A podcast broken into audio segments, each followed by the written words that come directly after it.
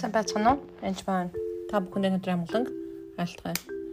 Аа нэгэн удаа би итгэвч байж байгаад итгэвч биш болцсон байх байхдаа бүр эсрэг болчихсон тийм залуу хостор очив.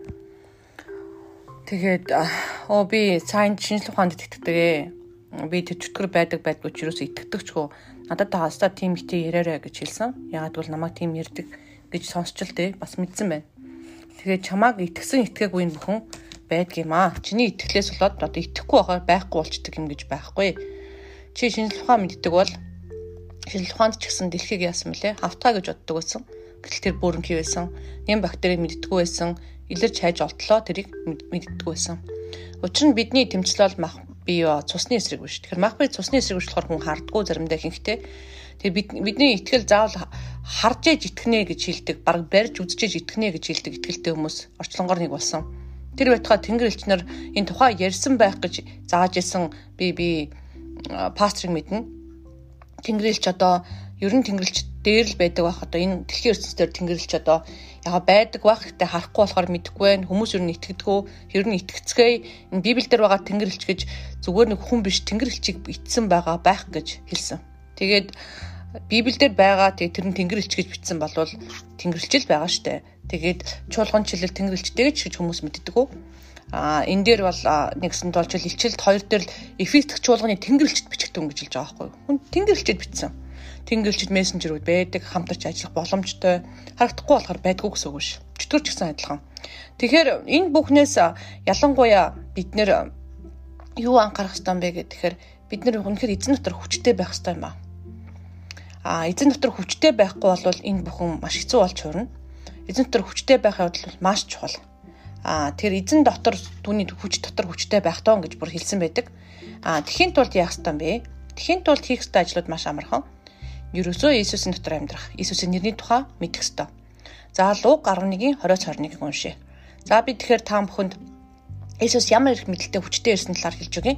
Луг 11-ийн 20-21 Хэрэн харин хэрвээ би Бурхны хуруугаар чөтгөрүүдийг зайлуулдаг бол Бурхны хаанчлал та нарт ирчгээд байна. Бүрэн зэвсгэлсэн хүчтэй ир эдлэн газраа хамгаалвал өмч хөрөнгө нь амар тавин байна. Тэгэхээр үнэхээр бүрэн зэвсгэлсэн хүчтэй ир эдлэн газраа хамгаалвал өмч хөрөнгө нь амар тавин байна. Тэрнээс хүчтэй хүн ирвэл тэрийг бас хүлж алж болно гэдэг даачих нэшлэл байдаг. Гэтэ эхний ээлж нь энэ энэ нэшлэл бас хид хідэн утгатай. Та нэг сайн анхаарч уншаараа бэр бяцлагаж уншаараа. Харин би эхнийх нь ишлэлийн эхний хэсгийг хэлж өгье.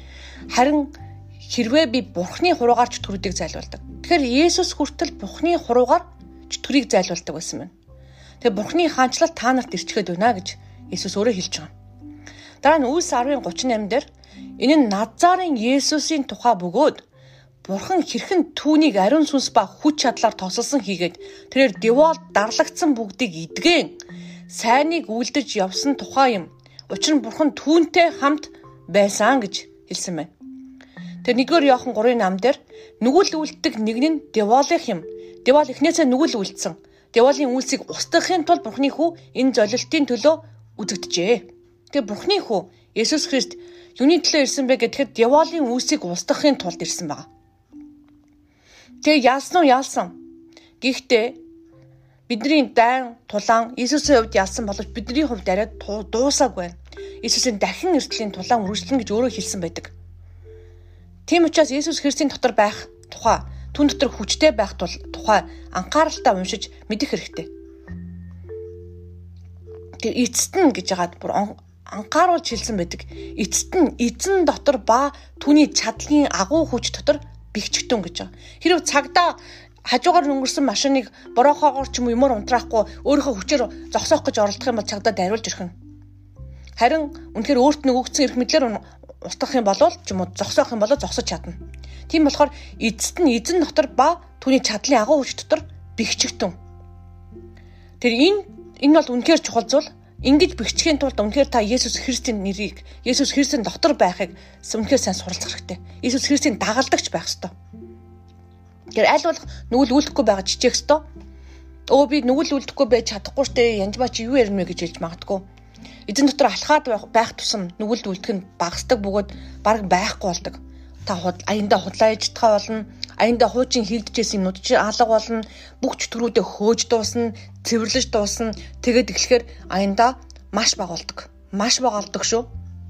Би мэдээж төгс төгөлдөрсөн мундаг ч гэдэм үү тэгж хэлээгөө. Гэхдээ би өдрөөс өдөрт сайжирдаг гэдгээ би мэднэ. Өдрөөс өдөрт түүнтэй ойртдог гэдгээ мэднэ. Өдрөөс өдөр түүн дотор өсдөг гэдгээ мэднэ. Энэ үед өдрөөс өдөрт бас даруусдаг байгаа. Тэгээд та бүхэнд үнэхээр эзэн дотор бэлчтүн гэж уриалж байна. Тэгээд Иесус Христийн нэрийн тухай дахин дахин судалж уншиж мэдээсэ түүний хүч чадал ямар агуу гэдгийг мэдээсэ ялангуяа надзаар Иесус Христийн дотор та бэлчгтүн, та түүний дотор байх тун, түүнтэй хамт айдах тун. Баярлалаа.